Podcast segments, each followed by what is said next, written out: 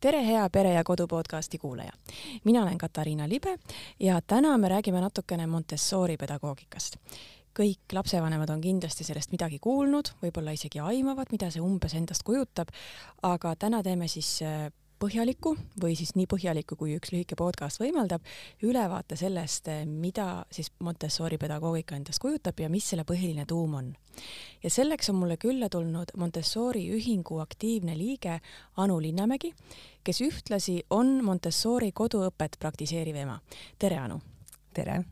no ma küsin alustuseks, et mis on Montessori pedagoogika ja mis selle tuum on ja mis selle olulised põhimõtted on mm? -hmm et Montessori pedagoog, pedagoogika on kasvatus- ja õpetusmeetod ja see näeb haridust kui äh, tervikut, äh, tervikut ja see on kui eluks vajalike oskuste kogum.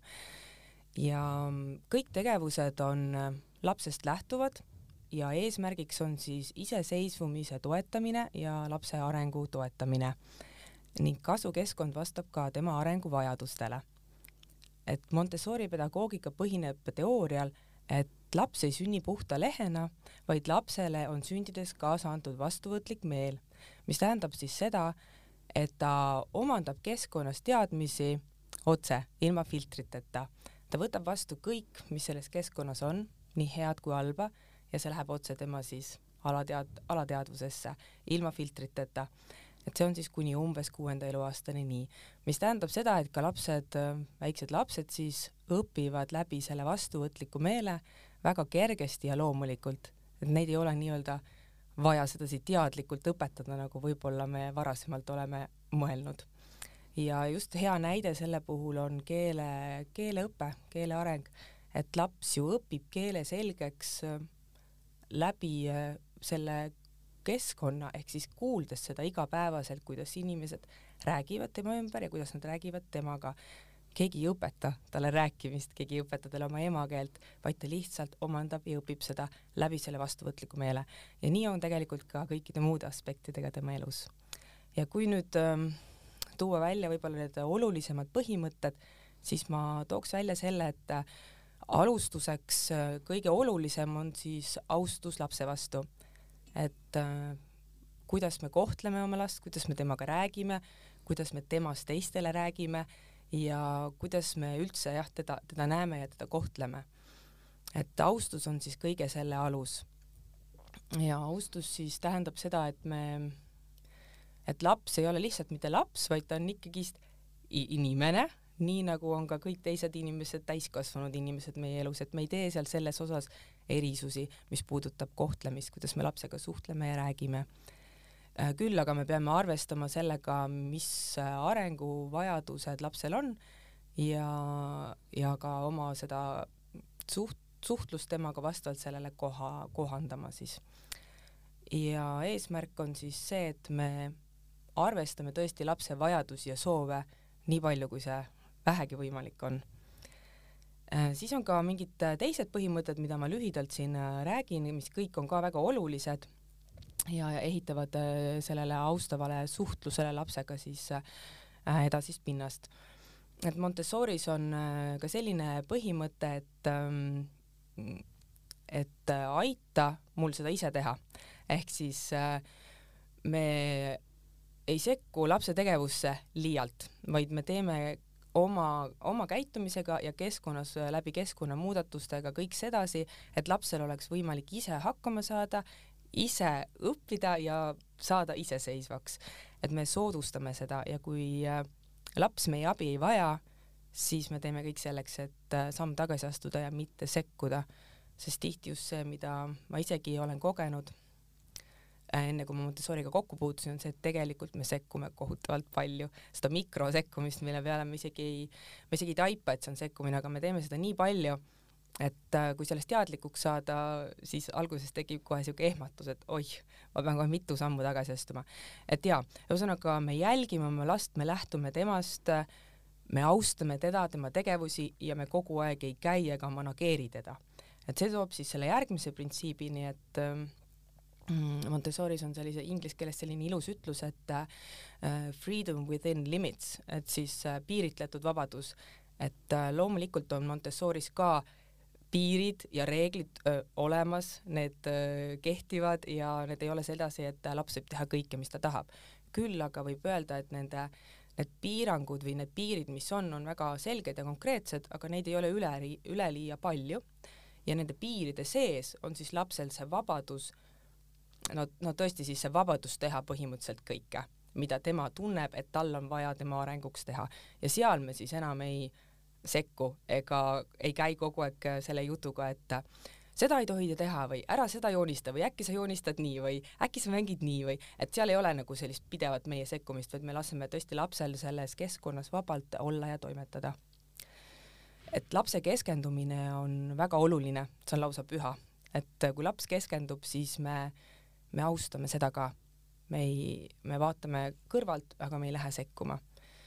ja kui laps meie abi vajab, siis ta küsib tegelikult seda ja see on hästi oluline selleks, et lapsel saaks tegelikult tek-, tekkida ja areneda see keskendumisvõime, et ta õpiks seda ise ka, nagu ta õpib seda nautima ja ta õpib seda hoidma, see on seesama asi, mis täiskasvanus, täiskasvanud eas on tihti inimestel probleemiks keskendumine ja üks põhjus, miks see keskendumine ei saa areneda, on see, et meid on algusest peale kogu aeg segatud, meid kogu aeg katkestatakse ja see muutub meie jaoks nagu normaalsuseks, me arvame, et see nii ongi, et sellist tõelist keskendumist äh, Äh, võib-olla me siis ei kogegi nii palju, aga Montessoris kindlasti on see nii oluline printsiip, mida jälgitakse, et lapsed saavad äh, kogeda seda keskendumist, kui miski neid huvitab ja millegi, millegiga nad on hõivatud ja seda ruumi samamoodi austatakse. siis, mis on veel kesk-, nagu selles, kui mõelda Montessori äh, keskkonna peale, on väga oluline aspekt see, et Montessori keskkonnas on korrapärasus Äh, ja kord ja lihtsus, et see on ka hästi oluline, milline on keskkond ja üldse, kui me mõtleme Montessori pedagoogika peale, siis võib-olla see erisus, mis minu jaoks välja lõi ja, ja alguses oli nagu uudne, kui ma olin noh, kuulnud teistest kasvatusmeetoditest, eks ole, et siis see erisus oli kohe see, et Montessoris me näeme seda, et ei ole mitte suhe laps ja täiskasvanu, vaid on suhe laps, täiskasvanu ja keskkond et ta on nagu kolmnurk, et see keskkond on väga-väga oluline ja seda keskkonda kujundab täiskasvanu, et see täiskasvanu on justkui selle keskkonna osa, aga need on siiski kolm erinevat äh, nagu äh, aspekti, mida välja tuua, mille vahel tekib siuke nagu suhe, onju. mis mõttes, ma sellest praegu ei saa aru mm, -hmm. mis mhm. mõttes? et ähm, seesama, et me loome äh, keskkonna, ütleme niimoodi, et no ma toon näiteks siis, kui laps õpib, ütleme seal, et ta roomab, onju, ja on aktiivses faasis, kus ta õpib äh,, tahab hakata noh käima, eks ole, ja roomab aktiivses liikumise faasis ja see on väga-väga oluline vajadus, arenguvajadus tal tol hetkel, ta peab saama liikuda vabalt hästi palju, praktiseerima seda, et ta saaks, et ta lihased saaks valmis selleks, et ta püsti tõuseb. ja see on nagu protsess, kus ta otseselt ei vaja üldse meie abi, ta saab sellega ise hakkama. mida ta vajab, ta vajab keskkonda, kus ta liikuda saab. et vanemad ei paneks teda kinnistesse toolidesse, mingitesse mänguasjadesse, mingitesse hüppavatesse, ma isegi ei tea nende asjade nimesid, ma olen lihtsalt neid piltide pealt näinud, eks ole, kus nad on justkui nagu kinni, et tal ei ole vabadust liikuda, ta ei saa oma kehaga teha seda, mis tal äh, tegelikult on vaja teha. et me justkui vanematena arvame, et oi, nüüd ta saab, hakkab esimest samme tegema, et lähme kiirustame tagant, lähme teeme need sammud nagu temaga koos või tema eest või hakkame teda nagu Äh, tagant tõukama, aga see kõik on ebavajalik tegelikult. mida me tege-, teha peaksime äh, selle asemel, ongi see, et me loome selle ruumi, tal on keskkond, kus tal on lubatud äh, liikuda, toimetada, võib-olla seal on ka just meelega pandud mingid väikesed ma ei tea, kas mingid tumbad või mingid padjad või, või tehtud see diivan niimoodi, et ta saabki sinna ronida, et ta saab reaalselt sedasama äh, Ähm, asja päris elus, päris keskkonnas katsetada ja me ei võta talt neid võimalusi ära. ja see ongi see, et kui me loome selle keskkonna, siis meid justkui sinna keskkonda pole vaja, see keskkond on see, läbi mille see laps õpibki ära kõndimise ja kõik muu, sest ta on saanud seda keskkonnas ise praktiseerida, et meie ei õpeta talle seda. küll on aga meid vaja, et me selle keskkonna talle looksime. ja näiteks väga hea näide on ka see, et kui ähm, kodus on trepid suurepärane võimalus, kus treenida üles minemist, roomamist, eks ole, kõike seda, seda äh, motoorikat, mis on vajalik selleks, et laps areneks mm -hmm. noh, sinna, kus tal on vaja areneda, eks ole, kus meil kõigil on vaja olnud areneda. et selles mõttes keskkond on oluline, palju olulisem, jah, palju olulisem, kui mina näiteks kunagi noh, arvasin, eks ole, ja, ja tänu sellele ma hakkasin seda väärtustama ja seda ära kasutama ja see tõesti toimib nagu suurepäraselt. Ja noh, nii ka kõikide asjade puhul, kõikide asjade puhul, mida see laps õpib tegelikult. Mm.. et see on selline kolmnurk ja seda jah, ei, et seda keskkonda kasutada ära heas mõttes enda kasuks ja ka lapse arengu kasuks, et, et hästi oluline komponent.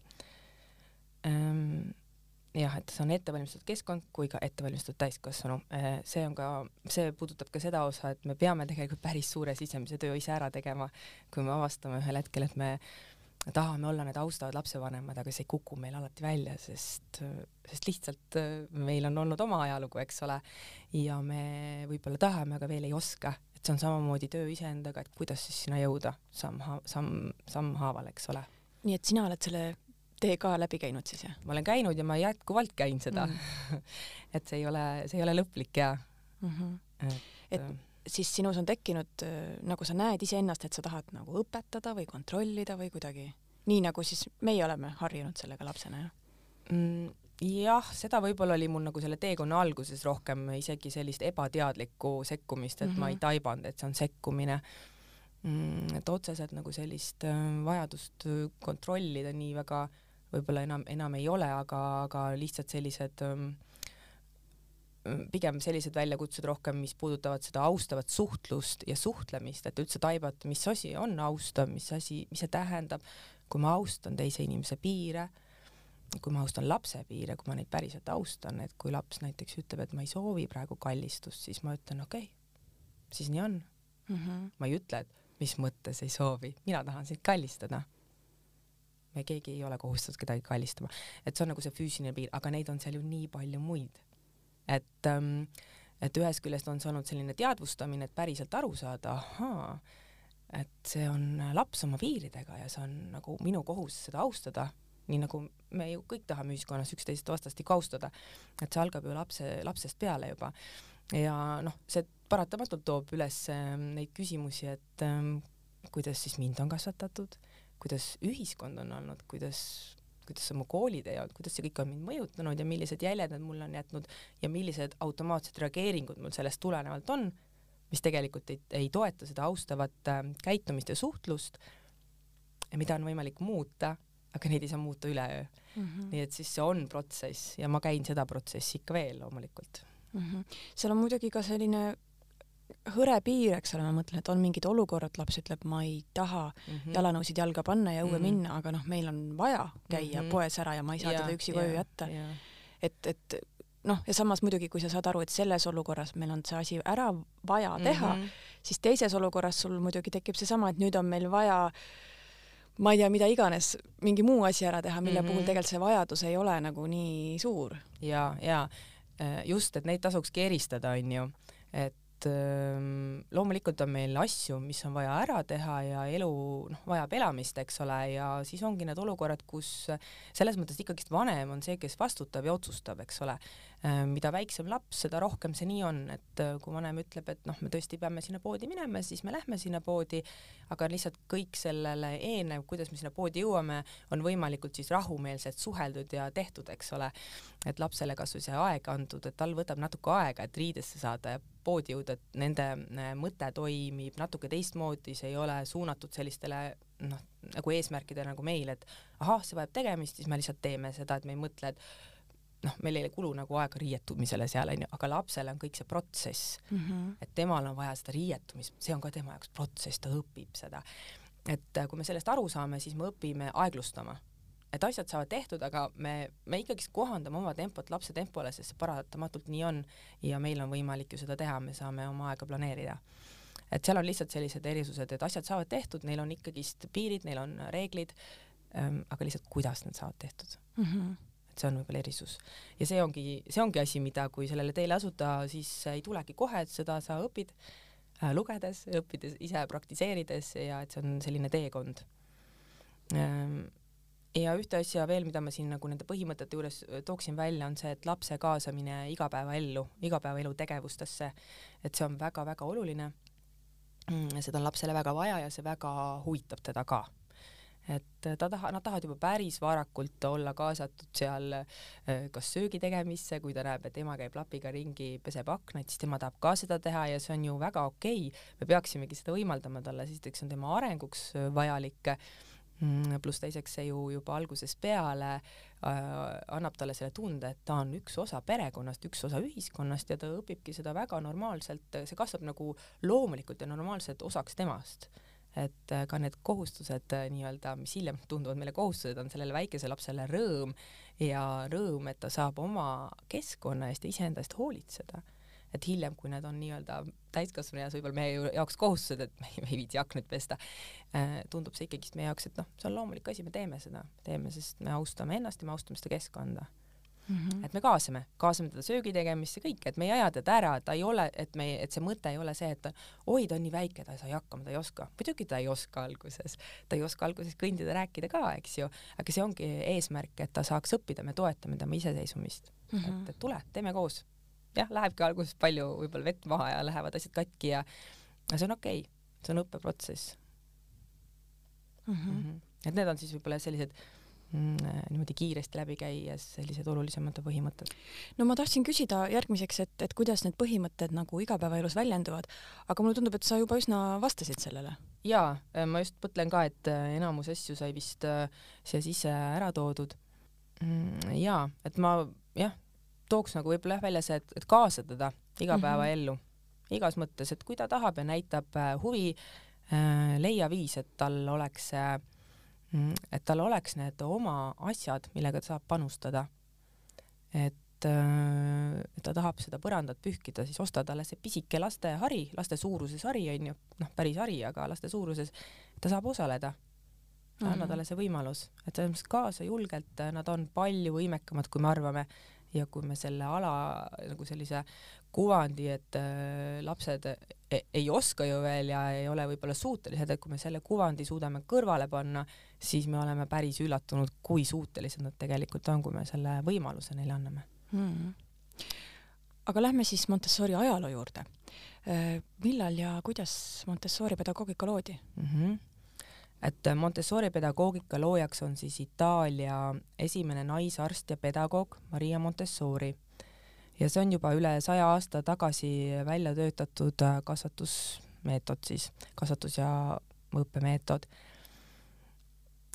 ja tegelikult äh, see on juba noh, nagu ma ütlesin, üle saja aasta tagasi, et see on tegelikult päris kaua juba olnud siin meie, meie maailmas, meie ühiskonnas laialt, eks ju.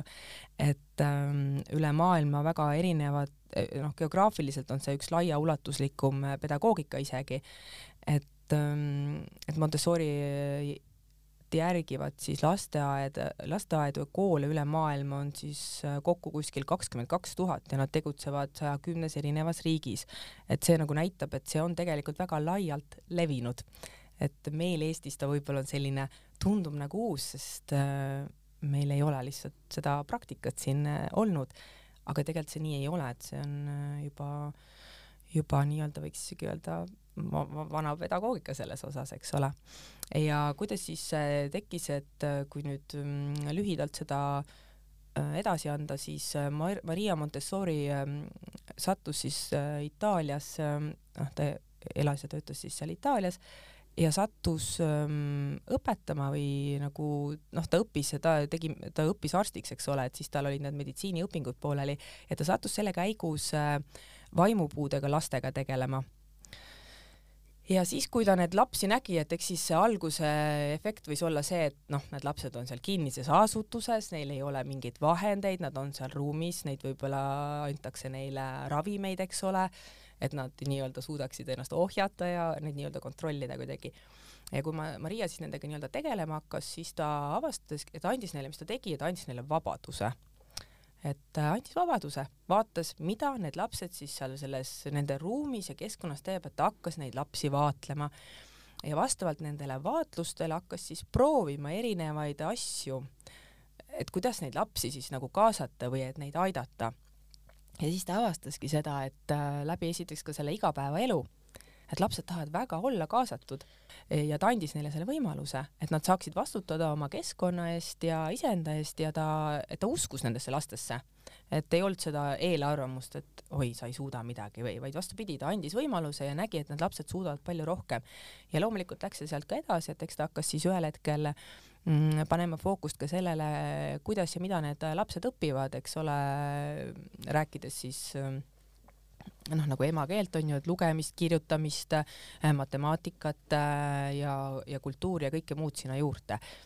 Ja läbi selle ta siis tegelikult äh, leiutaski või äh, tekkiski nii-öelda see Montessori meetod, äh, mis siis hõlmab, kui me räägime haridust, hariduse mõttes sellest, et mis siis nagu lasteaedades ja koolides tehakse, et siis seal on mm, spetsiaalselt välja töötatud, Montessori poolt välja töötatud siis õppevahendid, et kuidas siis, et ta, ta pani tähele, kuidas siis lapsed tegelikult äh, lugema, kirjutama õpivad ja matemaatikat, millal neil tekib see esimene huvi äh,, mm, kuidas see areneb ja ta tegi selle vaatluste põhjal väga äh, noh, ta vaatles lapsi ja selle põhjal ta tegi neid järeldusi ja töötas välja sellest selle õppemeetodi. Äh, et see oli selline ja mitte tema nagu välja mõeldud asi, vaid äh, vaatlustele põhinedes, päriselus põhinedes ja ta saavutaski nende lastega väga häid tulemusi ja ta avastas, et neid lapsi ei ole vaja ravida, vaid neile on vaja anda see vabadus ja see toetav keskkond ja nad saavad väga hästi hakkama ja nende õppetulemused olid isegi paremad kui nende tavakoolide või lasteaedade siis laste omad. ja eks sealt see alguse sai mm. -hmm. hästi, kuidas sina jõudsid Montessorini mm? -hmm. No mul, mul on praegu vanem laps on kaheksa-aastane ja kui tema oli umbes seal kaheaastane, siis no see kaheaastane laps ongi selline, kus tal hakkab see mina areng väga jõudsalt peale.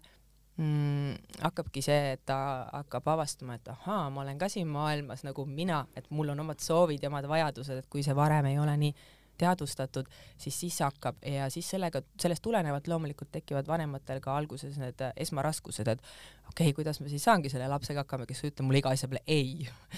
Et eks ma alguses otsisingi pigem võib-olla selliseid ähm, kasvatlikus kasvatuse osas äh, näpunäiteid ja et kuidas noh, mulle nagu tundus, et kõik see mm, mis ma olin kuulnud ja mis ma teadsin, et äh, lastega tavaliselt nagu tehakse ja see, et neid kogu aeg iga asja peale keelatakse, see hakkas mulle üheks, et noh, see ju ei toimi, et see on ju mõttetu, et miks ma ütlen lapsele sada korda ühte sama asja, et see, et ta teeb ikka seda, seal on mingi põhjus, et, et see, et see, et see, see ei tundunud õige.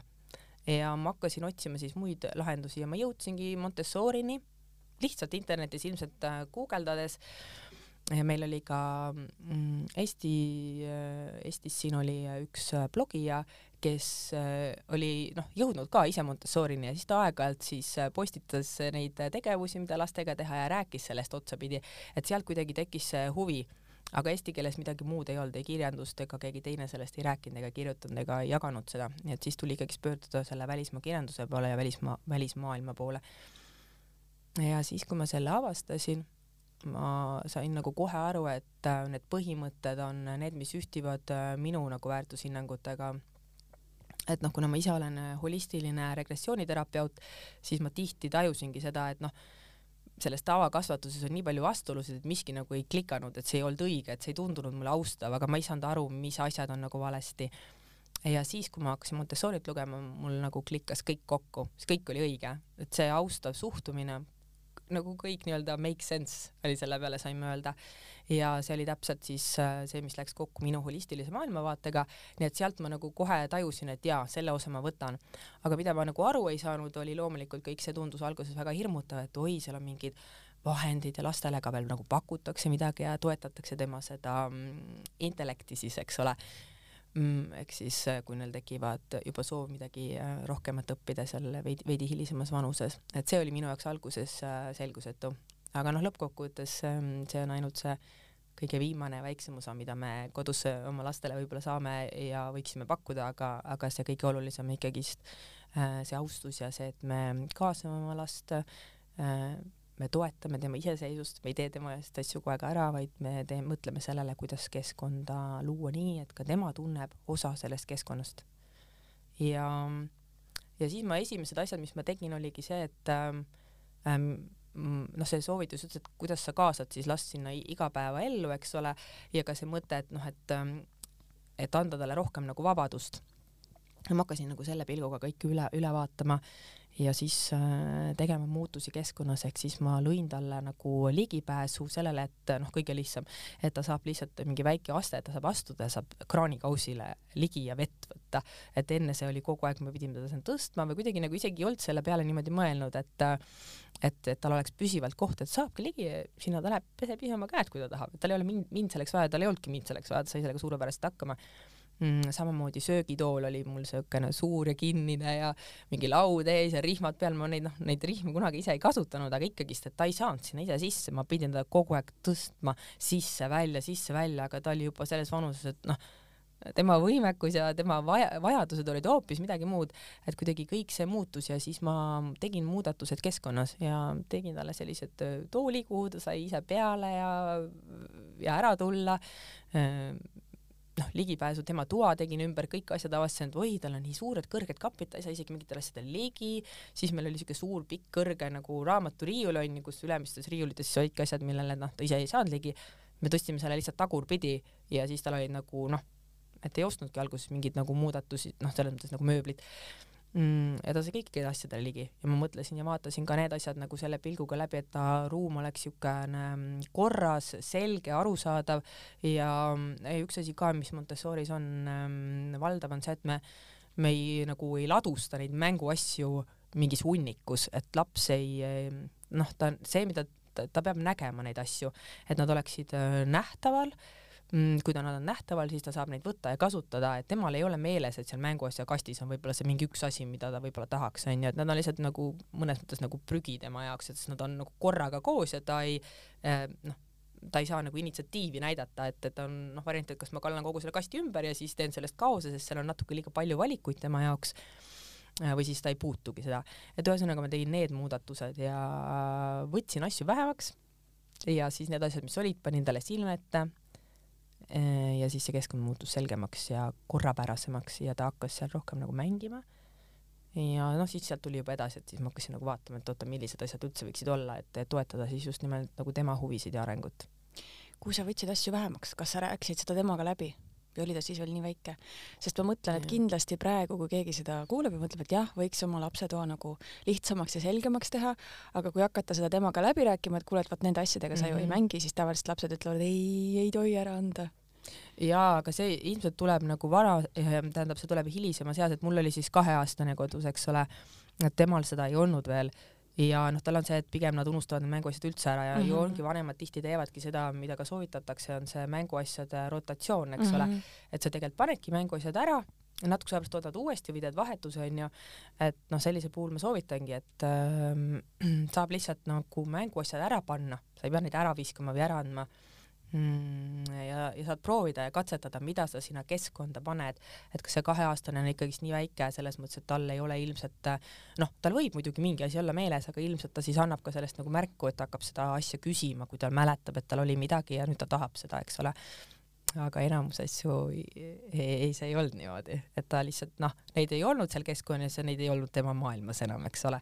ja eks sa oma neid lemmikmänguasju oma lapse puhul üldiselt juba tead ka mm. -hmm. et ühesõnaga vähem, et mida väiksem laps, seda vähem asju Vä, äh, vähem valikuid, sellepärast et kui laps läheb sinna ruumi ja see on ülekoormatud, seal on nii palju asju, siis mis tema ajus juhtub, on see, et ta ei suuda valida äh,. sest mõnes mõttes tunduvad kõik põnevad, siis ta tahaks kõike nagu korraga, onju aga siis tekib see, et ma natuke kahman siit ja natuke kahman sealt, siis ma ei saa üldse aru ja siis mu ajus see nagu käib niimoodi pingpong, pingpong, pingpong ja noh, see nagu tekib see äh, ülestimulatsioon vist on see eesti keeles, et äh, ta lihtsalt ei suuda seal olla, aga kui tal on nagu kolm valikut silme ees ja ta vaatab neid, siis tal on lihtsam see valik teha. Ja isegi tal on ka ilmselt aega neid kõiki läbi teha, kui ta tahab, et tal ei teki seda tunnet, et oppi, seda on liiga palju minu väikese aju jaoks et selles mõttes on see, mida vähem, seda parem ja noh, just mida väiksem laps, seda, seda, seda vähem, eks see siis niimoodi kasvab ajaga mm. -hmm. millist rolli täna Montessori sinu pereelas mängib? sul on üks teine laps nüüd veel, onju mm? -hmm. ja, et teine laps saab kohe varsti viis, et Montessori mängib väga suurt rolli mu elus, et ähm, et vahepeal siis, äh, kui ma seda esimest korda avastasin, jäi see natukene pausile, aga siis, kui ma jäin uuesti siis teist last ootama, see tärkas taas, et ma sain aru, et nüüd ikkagist äh, tahaks äh, jälle rohkem teada. ja siis ongi ta tegelikult kogu aeg minuga olnud ja ainult sügavuti kasvanud, et praegu siis oleme jõudnud sinna, et ma olen, mul on kaheksa-aastane laps, kes pidi siis sügisel kooli minema. Ja ta siis päris kooli läinud, ehk siis selles mõttes, et me jätsime ta koduõppele ja siis teemegi temaga kodus Montessori koduõpet. Ja tegelikult tegime ka aasta enne seda, et nii-öelda see eelkooliiga või siis viimane lasteaiaaasta ta oli täiesti kodune meil ja tegelikult me juba siis tegime Montessori koduõpet, et mul oli nagu selline äh, kogemus ja praktika juba veidi tekkinud, et äh, ja julgus, et selle pealt äh, näha, et, et, et me saaksime kodus hakkama, et me võime seda, seda proovida teha. ja teine laps siis no nüüd siis on meil Eestis ka olukord selline, et meil on esimesed lasteaiad tekkinud ja õnneks siis juhtus nii, et me saime nüüd sellest sügisest ühte Montessori lasteaiarühma ja nüüd ta siis on äh, vaikselt alustanud seal. räägi sellest koduõppest natukene, te mm -hmm. siis mhm. ikkagi lähtute, eks ole, riiklikust kavast mm, -hmm. aga mil viisil see Montessori koduõpe siis erineb tavakoduõppest mm? -hmm no selles mõttes, et me lähtume jah, riiklikust kavast, sellest peab lähtuma, sellest lähtuvad kõik, eks ole, et seal riiklikus kavas on tegelikult äh, ette seatud siis eesmärgid äh,, mida tuleb teatud ajaks siis saavutada lapsega Mm, no näiteks selle esimese kolme aasta jooksul, et kus on tema siis äh, lugemisoskus, mis tasemel on ju, mida ta seal peab matemaatikas oskama, mis on tema nagu loodusõpetuses mm, teadmised ja nii edasi, et need eesmärgid on nagu selgelt paigas. Et see, kuidas neid eesmärke saavutada, see ei ole tegelikult ette kirjutatud, et sa võid neid saavutada põhimõtteliselt ükskõik kuidas et koolis tehakse seda ühtemoodi ja Montessori koolis tehakse seda teistmoodi ja kodus on sul vanemana siis see vastutus oma lapse mm, õppeprotsessi eest ja sul on võimalus ka valida siis, kuidas te neid eesmärke saavutate. et selles mõttes saab täiesti Montessorit ähm,, mm, Montessori pedagoogikat nagu kodus rakendada ka mis, millest see erineb, mm, mis mõttes see erineb? esiteks on nagu see, et Montessori kui me üldse mõtleme nagu Montessori kooli ja Montessori siis jah, koolihariduse peale, sealt, kus siis hakkab juba kuus pluss vanus, eks ole, et nendel ähm, ma ütleks seda, et nende haridus nagu, kui me mõtleme selle tavakooliga, mis on, on ähm, natuke laiahaardelisem ja mitmekülgsem, jälle võib-olla tuleb sellest, et äh, me nagu ei alahinda lapse võimekust, et kuus, ütleme, et vanus kuus kuni kaksteist on lapsed intellektuaalselt väga võimekad Äh, neil on väga suur potentsiaal ja nad reaalselt väga palju tahavad õppida, et see õpi ähm, see õppimine muutub kaksteist pluss vanuses natuke teistsuguseks, aga see aeg on see, kus neil on tõesti hästi suur ja äh, nii tahe kui ka jah, see võimekus äh,, et seda tuleks nagu ära kasutada heas mõttes siis, eks ole. ja ja nende õpe, et Montessoris on selline termin nagu cosmic education. Kosmiline haridus, et see kõlab nagu eesti keeles sedasi võib-olla natukene veidralt, aga mis see siis tähendab, on see, et see on tegelikult samamoodi, see on holistiline, holistiline lähenemine, et me anname lapsele teadmised äh, ja oskused, mida ta elus vajab. Ja see ei tähenda ainult äh, lugemist ja matemaatikat, see tähendab äh, kogu maailma mõistmist, tunnetamist ähm,, arusaamist äh,, millises universumis me elame Äh, kuidas see elu siin maal toimub, millised on need nii-öelda see äh, füüsikaseadused, äh, milline on loodusseadused, kuidas see kõik toimib, millised on inimesed, mida inimesed vajavad, kuidas me üksteisega suhestume, miks meil üldse on teisi vaja ja nii edasi, et see hakkab kõik tegelikult kohe väga varakult ja Montessoris on siis kooliklassis abc on siis need suured lood, great stories inglise keeles, kes tahab otsida, et ähm, need siis jutustavadki lapsele mm, esiteks, esimene lugu räägib sellest, kuidas maailm tekkis. teine lugu räägib siis sellest, kuidas elu tekkis maal. kolmas lugu räägib sellest, kuidas inimesed tulid maale. neljas lugu räägib kirjakeele arengust ja viies lugu siis räägib matemaatikast, et kuidas siis matemaatika tuli, alguse sai ja kuidas see on arenenud. Ja need annavad võimaluse lapsele äh, näha suurt pilti kõigepealt ja ta, kui ta näeb seda suurt pilti, ta mõistab, kuidas tekkis maailm mm. -hmm. siis tal hakkavad äh, tekkima küsimused äh,, detailidesse läheb sealt, et see suurest pildist äh, kitsamasse liikumine äh,, tal tekivad omad küsimused, oma huvipunktid äh, ja tal on võimalik seda siis sügavuti vaadata.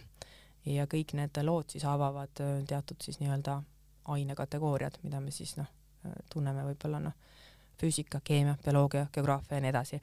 et ähm, see kõik hakkab tegelikult kohe algusest peale ja hakkab siis loomulikult vastavalt äh, lapse arengule, et alguses on see väga üldine ja läheb siis loomulikult lapse vanusega ja kasvades äh, konkreetsemaks mm,. et aga see võimalus antakse lapsele kohe ja et tal on äh, see mõistmine maailmast kui tervikust, et haridus ei ole ainult selline kitsas, vaid hõlmab midagi rohkemat. Ja minu meelest see on nagu äh, täiesti imeline, kuidas see toimib. Ja seda me ka oma kodus teeme, et ma olen äh, neid suuri lugusid oma lapsele rääkinud ja lasknud temal, tema õppeprotsessil nagu juhtida sellest, millised huvid tal seal tekivad. Et näiteks selle suurte lugude esimese looga tal oli küll nii, et tal väga-väga kiiresti tekkis see huvi ähm, nagu keemia vastu, tegelikult ka füüsika vastu, et noh, tekivadki need küsimused, et kuidas see maailmas toimub, kuidas need jõud siin toimuvad, et miks me maa pealt alla ei kuku, onju, et mis, mis värk sellega on, onju. Ehm, keemias onju, et miks mingi asi plahvatab, eks ole, et ma tahan väga neid asju siin aineid kokku segada, et huvitav, mis siis nendest saab. et see, see huvi on nii tohutu ja minu meelest tundub see nagu äh, nende alahindamisena, et me, et me ei toeta seda huvi sel hetkel, kui see on aktiivne. et miks me ootame neljanda, viienda, kuuenda klassini, kui me hakkame rääkima sügavuti sellest, et meil on siin maa ja planeedid ja päike, kuigi see mõjutab nende elu väga algusest peale, see on ju nii baas. jah, me saame minna sügavuti võib-olla veidi hiljem, kui ta on rohkem valmis, aga need laialdased üldised teadmised vägagi võimekad neid vastu võtma ja nendest sügavuti minema. ja, ja see ainult rikastab seda, et ta saab aru, kuidas me kõik, kuidas kõik need asjad on seotud, kuidas maailm, kuidas maailm ja elu üldse toimib. Et see on nagu see, mida ma ise olen tajunud, et minu meelest on see meie nagu haridussüsteemis puudu ja see on see, mida ma siis ka kodus teen, et läbi Montessori proovin seda osa ka pakkuda. pluss siis noh, lisaks loomulikult lugemine, kirjutamine, matemaatikat, see on ka ja see on ka selline, mis ma nagu leian, et näiteks matemaatikas on hästi geniaalsed vahendid ja see, kuidas nad nagu matemaatikat õpivad, on täiesti geniaalne. et ma kasutan nagu neid äh, Montessori loodud vahendeid matemaatika õppimiseks. ja noh, matemaatikast rääkides, noh, nii palju saan mainida, et äh, seda äh, need vahendid on käega katsutavad, ehk siis väga konkreetsed, laps hakkab seal juba võib-olla kuskil neljandast eluaastast tundma huvi matemaatika vastu, tal hakkavad need huvi numbrite vastu, tal hakkavad esimesed niisugused äh, ilmingud, et ahaa, ma tahan rohkem teada. et siis alguse viis on jälle see, et laps õpib seal kuni kuuenda eluaastani väga niimoodi äh, konk- äh, läbi, läbi käte, et siis konkreetselt tal on vaja konkreetselt katsuda, näha, tajuda maailma et see abstraktne me-, abstraktne meel äh, tekib kuskil seal kuus pluss eluaastal, kus ta äh, võib-olla suudab juba hakata ette kujutama neid asju, et noh, kõike ei pea katsuma, aga ta siiski suudab oma peas seda ette kujutada. aga et siis matemaatika ongi äh, läbi selliste vahendite, et me ei tee paberi peal asju, ma ei näita talle, palju on üks pluss kaks, vaid ma näitan talle üks helmest pluss kaks helmest teeb kokku kolm helmest ja ta saab need reaalselt ära lugeda, katsuda. Et see on see erinevus, erinevus nagu. Ja see matemaatikavahendite puhul äh, jätkub ka hiljem koolis. Ja see annab nagu võimaluse mm, neil päriselt omandada ja tajuda, mis nende arvude taga on, kust see kõik tuleb. Ehm, sest noh, me suudame kõik need skeemid ju pähe õppida ja neid äh, paberi peal jäljendada, aga me ei saa tegelikult matemaatikast aru. Et ähm, et selles mõttes need vahendid võimaldavad seda, et ta näeb neid enda ees, ta saab aru, kuidas mm, kuidas nagu arvud moodustuvad, et mis on selle, ma ei tea, arvu tuhat viissada kakskümmend kuus taga, onju. et seal on tuhandelised ja sajalised ja kümnelised, aga tal on võimalik seda näha, et äh, noh, ühesõnaga seda on väga raske nähtavaks teha, kui see on lihtsalt äh, arv paberil. Ja selles mõttes need Montessori vahendid tõesti toetavad seda väga hästi, sest nad teevad seda äh, Äh, visuaalselt nähtavaks ja lapsel on võimalik katsuda ja neid läbi mängida. Ja läbi mängimise ta võib-olla jõuab ise teatud matemaatiliste kontseptsioonideni, mida me ei peagi talle õpetama, sest ta jõuab selleni ise, et ahaa, vaata, kui ma siin need, need, need teen, näed, või ma panen siin kaks kolmnurka kokku, oi, mul tekib siin ruut või ristkülik, oi kui põnev, et mina ei pea talle, ta, ta nagu jõuab mhm. mingitele asjadele ise, loomulikult me noh, lähme nende teemadega siis edasi ja ma toetan seda, aga kui palju avastamisrõõmu ja võib-olla noh, asju, mida me ise kunagi noh, ei olegi taibanud või, või mõelnud sinna sügavamini, et miks see kõik üldse nii on ja kuidas see on tulnud nii ja et selles mõttes see maailm on väga põnev, et ma leian jah, et see ja seda on võimalik kodus teha, selles mõttes ähm, kui eesmärk on jõuda mingi oskuseni, siis seda on võimalik läbi Montessoriga jõuda sinna mm. -hmm. sa ütlesid, et kaks Montessori lasteaeda on nüüd Eestis mm? -hmm. tegelikult on isegi natuke rohkem, et nüüd on jah, meil äh, ja noh, nad on kõik väga vähe tegutsenud, aga meil on üks äh, munitsipaallasteaed, mis asub siis Harku vallas Merikülas ja ülejäänud on siis eralasteaiad. üks on meil Tartus, äh, üks on nüüd Viimsis ka suht alles alustas. Ja siis üks on seal Magdalena haigla läheduses, ähm, kes ka nüüd alles äh, eelmine aasta siis alustas. ja nemad on siis Eesti-Vene keskkond, et seal on ka nagu vene rahvusest lapsi ja nad toetavad nagu keeleliselt mõlemat. ja samamoodi on Viimsis on eesti, eesti-vene keskkond ja siis on meil veel üks, kaks lasteaeda veel mm. -hmm. kui palju koole on, veel ei ole ühtegi või? veel ei ole ühtegi mm, -hmm. aga lootus on, et me teeme tööd, Eesti Montessori ühing teeb tööd selle nimel, et esimene kooliklass saaks lähiajal avatud, sest äh, see juurdekasv on juba olemas. esimesed äh, lapsed Montessori lasteaedadest või siis koduõppeperedest, et selliseid, äh, kes on oma lastega seal kolm, kolm kuni kuus vanuses või noh, üldse null kuni kuus vanuses Montessori õpet teinud, et neid siiski meie, meil juba on. nii et juurdekasv on ja, ja, ja vajadus selle kooliklassi järgi ka on. väga loodan, et see lähiajal saab toimima tahaks nagu küsida, et millised need Montessori lasteaiad on, aga mulle tundub, et sa vist juba äh, juba andsid nagu aimu sellest mm, -hmm. et mhm. vist on mingi kujutlus olemas mm. -hmm ja et noh, Montessori lasteaiast, kui ma proovin nagu, kui mul on noh, ise panen silmad kinni ja mõtlen, et milline on Montessori lasteaed, et siis ähm, mm, esiteks, kui äh, nagu visuaalselt mõelda, siis sa lähed sinna ruumi, sisened äh,, seal on avatud riiulid ja riiulite peal on siis need äh, Montessori vahendid, mis toetavad siis kas keeleõpet äh,, temaatikat, kultuuri, meele arengut, igapäevaelu, et need on kõik seal väljas.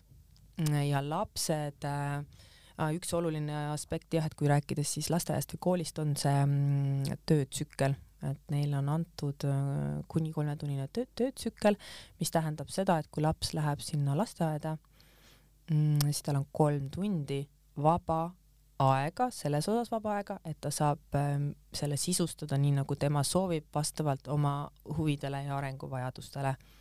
et keegi ei dikteeri seda, keegi ei tule sulle ütlema, et nüüd sa oled pool tundi siin mängid, järgmine tegevus on kunst ja kui me oleme pool tundi kunsti teinud, siis sa lähed sinna muus-, noh, muusikasse ja siis sa võid pool tundi, et siukest asja nagu, et me dikteerime, millal sa mida teed, sellist asja ei ole. et äh, ta läheb sinna lasteaiaruumi tal on äh, võimalus segamatult keskenduda, segamatult valida, äh, oma tegevused alustada ja oma tegevused lõpetada. ja, ja samamoodi näiteks äh, kunst ja muusika on kõik sinna selles mõttes sisse ehitatud, et ähm, ta teeb kunsti ka siis, kui tema tahab, et selleks ei ole eraldi kunstitunnid, need vahendid on kõik seal saadavad äh,. samamoodi on muusika kuulamine, muusikavahend, noh nagu muusikariistad on ju olemas seal ja noh, eks nad teevad ka siukseid ühisringe vahel, selliseid laulmisi ja aga, aga sellist asja kui nagu katkestatud tegevus selles mõttes, et me nüüd või planeeritud tegevusi, et nüüd sa laulad, nüüd noh, nüüd laulad, nüüd jooksed, nüüd maalid, nüüd teed, mängid või nüüd teed midagi muud. et see on nagu selline väga oluline põhimõte, mis on nii Montessori lasteaias kui äh, Montessori koolis, et meil on see kolmetunnine töötsükkel ja kõik muu käib selle arvestuse järgi, kõik muu äh, nagu päevakava et seda, sellest peetakse kinni. et kui seal ka on mingid, äh, ma ei tea, ühised võib-olla mingi spordi tegemised, võimlemised, siis see on nagu pärastlõunane aeg sel juhul mm. -hmm. Lõunaund magatakse? Äh, kui nad tahavad. lõunaunega on niimoodi, et äh, just, et jällegist, seda ei suruta peale. kui laps ei maga lõunaund, kui ta seda ei vaja, siis keegi ei äh, suru seda vägisi peale. Neile antakse võimalus, nad saavad minna sinna voodisse pikali ja kui ta ei jää magama, siis ta võib sealt ära tulla, eks ole, eks see jällegi sõltub igast nagu lasteaiast eraldi, kuidas nad seda organiseerivad, aga noh, nagu ma olen aru saanud, siis selles vanuses tihtipeale nad ka võib-olla veel magavad seal, eks ole. Eh, seal alguse poole eriti on ju, kui me räägime. Eh, Montessori lasteaiarühm on liitrühm. et seal on vanused kolm kuni kuus koos ja seda ka jälgitakse, et see oleks selles mõttes nagu võrdselt jaotunud, et ei oleks niimoodi, et on ainult kuueaastased ja kolmeaastased, vaid et noh, et igast nagu sellest vanuserühmast oleks keegi esindatud ja nii ka kui ka poisse ja tüdrukuid oleks no enam-vähem võrdselt. et jah, et kõik oleks esindatud. see on ka selline asi, kuidas õppeprotsess toimub, et äh, lapsed üksteist äh, toetavad ja juhendavad ka väga hästi et vanematelt lastelt on väga palju õppida ja ka nende noorematelt lastel on vanematel õppida sellega, et nad saavad nendest hoolitseda ja jah, et seal on nagu palju selliseid aspekte, kuidas see tegelikult äh, toimib äh, selles rühmaruumis. nii et äh, magamine on kindlasti vabatahtlik mm -hmm.. kusjuures mulle tuli nüüd meelde, ma olin selle ära unustanud, ma, mina käisin Vanalinna Hariduskolleegiumi Aiakese lasteaias mm -hmm. ja nemad võtsid ka palju Montessori ja Waldorfi põhimõtteid mm -hmm. üle ma olin ära unustanud need asjad, et meie ka ei pidanud magama. ja siis ma mäletan, kui ma kooli läksin, siis mul oli see avastus, et teised rääkisid, et lasteaia juures oli kõige nõmedam see, et pidi seda lõunaund magama mm, -hmm. aga ma ei teadnud, mhm. millest nad räägivad. imeline, siis, siis on sul selles osas väga hästi läinud. ma ise mäletan ka, et äh, lõuna oli, uni oli midagi väga kohutavat minu jaoks lasteaias ja ma mäletan seda sunni, äh, sunni momenti seal ja see on noh, ma arvan, et see on tekitanud üksjagu nagu piina. Ja kuidagi mul õnnestus ka nihverdada, ma ei mäleta seal viimasel aastal, ma enam isegi ei mäleta, aga ma, kas ma läksin koju või ma nagu ei pidanud magama või tulin õhtuks neile juurde tagasi, ma mäletan, seal oli nagu mingi teema sellega. Ja see on nagu päris raske, et kuueaastasel lõunaud vajada. no tegelikult ta ei vaja seda päevaund, et see, et jah, mõned lapsed võivad seda tahta ja see on okei okay,, kui sa ei sega nende ööund see võib olla, aga suurem enamus lapsi ei vaja seda mm. -hmm. Rootsis vist, ma tean, et sugulane elab mul Rootsis, et mm -hmm. nemad ei magagi lasteaias mm -hmm. juba vist päris, päris väiksest peale. ja, ja et see on noh, mujal läänemaailmas on see vägagi no isegi ongi norm, sest isegi lasteaiad kui sellised ju ei ole isegi tihtipeale täispäevad, vaid ongi, et laps viiakse ainult nii-öelda hommikupoole pooleks päevaks, et see on nagu selline noh, nad nimetavad seda eelkooliks, eks ole, et nad tegelevad nii-öelda selle õppega, et siis mm. -hmm tahtsin küsida, et äh, kuidas Montessori pedagoogika on sinu lapsi muutnud, aga sellele on sul vist raske vastata, sest nad on selle sees kasvanud, onju, aga, aga kuidas see on neile mõjunud, äh, kuidas sulle tundub? jah, ma mõtlesin ka selle peale, et huvitav, kuidas see neil muutnud on, et hästi, esiteks tõesti on väga raske seda hinnangut ju anda, sest mul pole võrdlusmomenti mm. -hmm. Hmm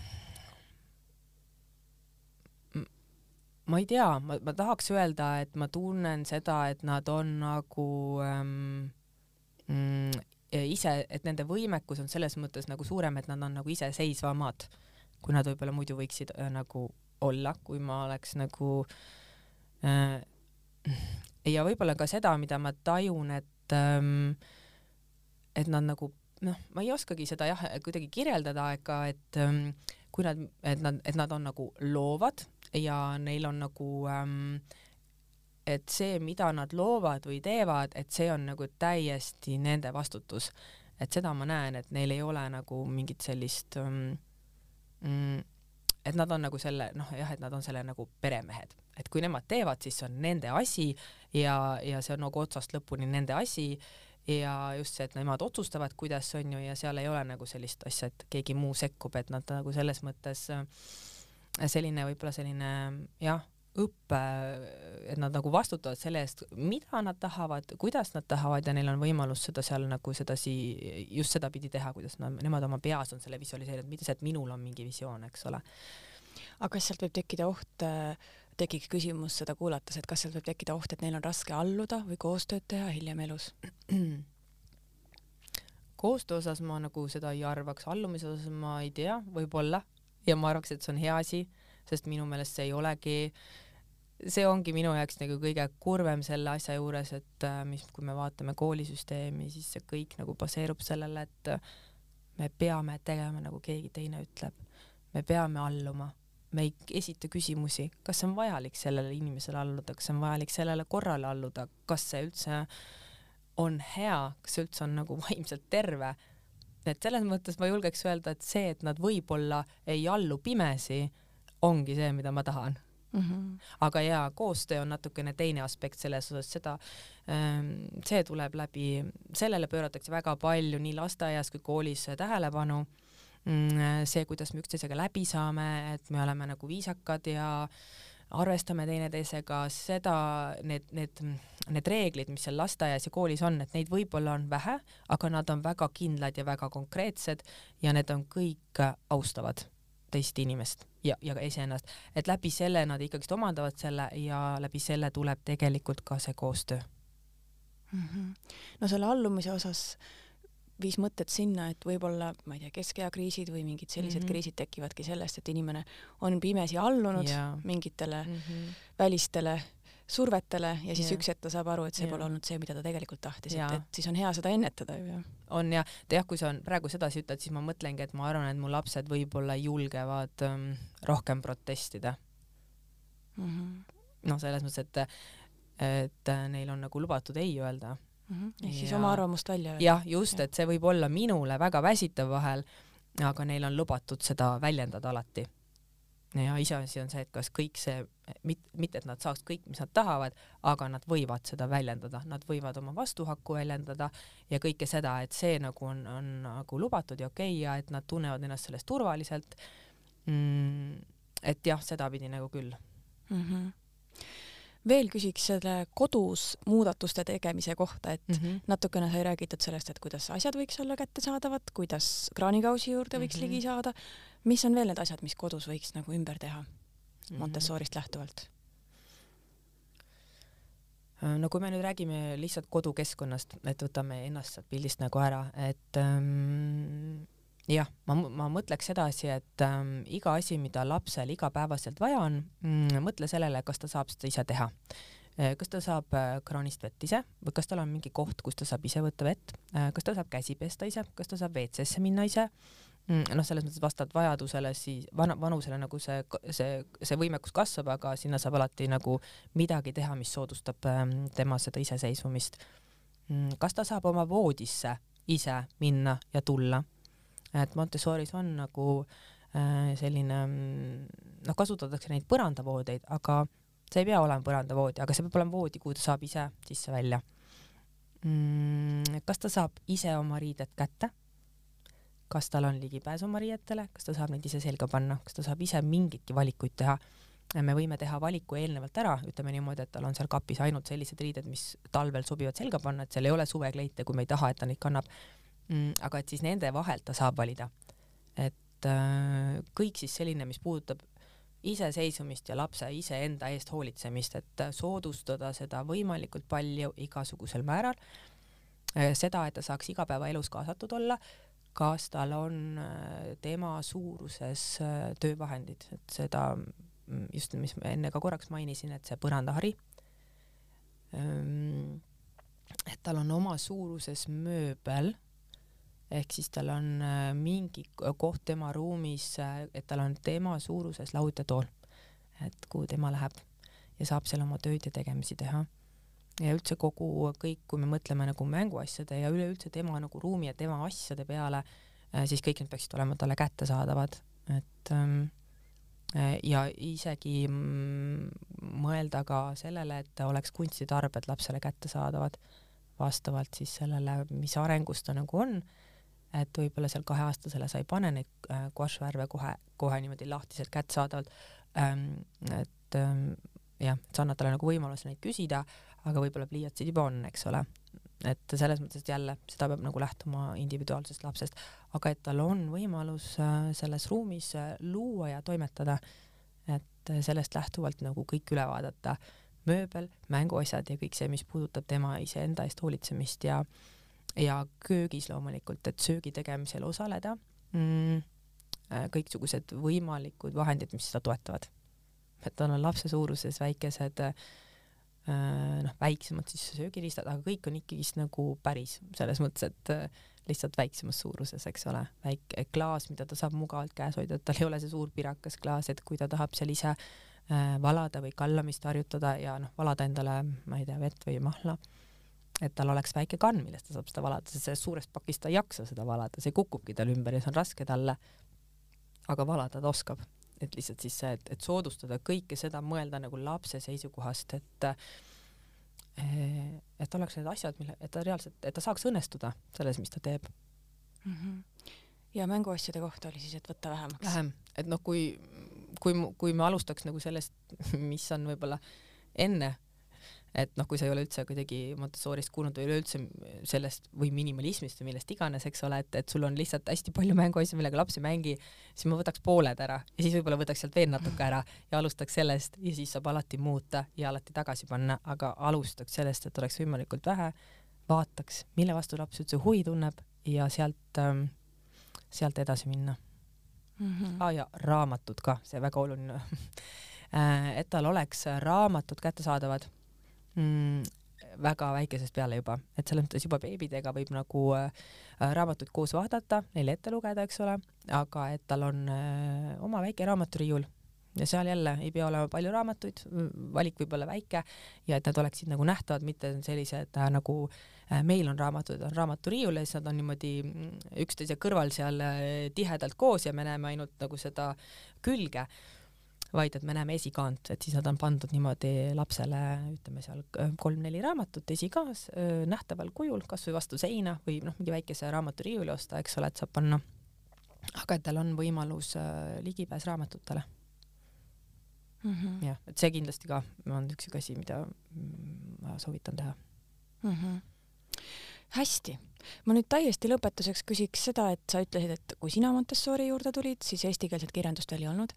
küsikski, et kas nüüd juba midagi on ja et mida, kui inimesel tekkis praegu huvi kuulates, kuhu siis edasi mm -hmm. vaadata, kust edasi lugeda, uurida mm? -hmm jaa, õnneks on eestikeelset kirjandust juba, selle üle on väga hea meel, et meil on äh, ilmunud äh, raamat äh, Montessori beebi ja Montessori väikelaps ja mõlemad on eesti keeles olemas, et soovitan neid lugeda alustuseks, nad on väga lihtsalt ja kuidagi selgelt ja arusaadavalt kirjutatud ja kui huvi äh, süveneb sealt, et siis on alati võimalik äh, pöörduda Maria Montessori enda teoste juurde ka, aga alustuseks on need nagu väga head, et aru saada seda üldpilti. Äh, kuidas rohkem teada Montessorist ja Montessorist Eestis, mm, siis ma soovitan kindlasti minna Eesti Montessori ühingu lehele montessoriesti.ee seal on kõik äh, info olemas, seal on ka blogiartikleid äh, nii selle meetodi kohta kui kuidas seda kodus kasutada mm,. seal on info tulevaste sündmuste kohta, et äh, kogu ja seal on ka pood, mis tähendab, et sealt on võimalik osta veebiloenguid, et on võimalik ka eestikeelselt saada infot selle kohta, et mis see Montessori on, kuidas seda kodus rakendada ja, ja kui on sügavam huvi, siis seal on ka äh, natukene siukseid äh, sügavamaid teooriaid ka, nii et saab, saab valida endale. ja Montessori Eestil mm, jah, ja nad noh, nii Montessori Eesti on nii siis Instagramis kui ka Facebookis üles leitav, et selles mõttes, et ma soovitan sinna pöörduda. ja, ja ma ise jagan ka Montessori koduõppe teekonda, et kui tekib huvi, võite, ma ise jagan Instagramis Anu Linnamägi et sealt saate vaadata. Ja meil on tegelikult Instagramis teisigi Montessori koduõppeperesid ja lihtsalt Montessori peresid, nii et noh, kui sealt otsapidi jõuda, siis jõuab tegelikult ka teiste kontode info sinuni. Ja see on väga hea viis, kuidas ennast võib-olla alguses nii-öelda kurssi viia, et tekiks mingi aimdus. Kas sina saad ka praegu mõtteid teiste Instagrami kontodelt näiteks, et mida ikkagi veel oma lastega teha? Äh,? ikka saan jaa, et äh, noh, enamus on nagu lastega kodus kuni seal kolmanda eluaastani, eks ole, et see on ju, et siis äh, tavaliselt see vanem peab tööle minema, et see on nagu tavaliselt niimoodi, et siis äh, pigem on hästi palju sellist äh, väiksemate lastega kodus olijaid ja kes jagavad oma tegemisi, et nende vanematega jääb seda järjest vähemaks, kuigi seda ka natuke on. et noh, kuna mu enda lapsed on vanemad, eks ole, siis äh, äh, aga ma saan ka sealt ikkagist nii häid ideid kui mõtteid, sest nad jagavad ju mitte ainult äh, vanuseliselt, vaid ka seda lihtsalt, äh, mis puudutab seda Montessori eluviisi, filosoofiat, neid põhimõtteid, et seda ju saab, äh, selles mõttes see vanus ei ole oluline, et see kehtib kogu aeg. ja väga palju on ka välismaiseid ju kontosid mm. -hmm. nii et õnneks on tänapäeval olemas internet. on jah ja raamatud ka eesti keeles ja just see eestikeelne info ja kirjandus, et selle üle on mul väga hea meel mm. -hmm. aitäh, Anu, tulemast ja, ja sellel huvitaval teemal nii pikalt rääkimast mm,. aitäh sulle ka. aitäh, armas kuulaja, et sa meid ära kuulasid. kõik meie saated on endiselt leitavad kõikides podcastide rakendustest ja järgmine saade on jälle üleval nädala pärast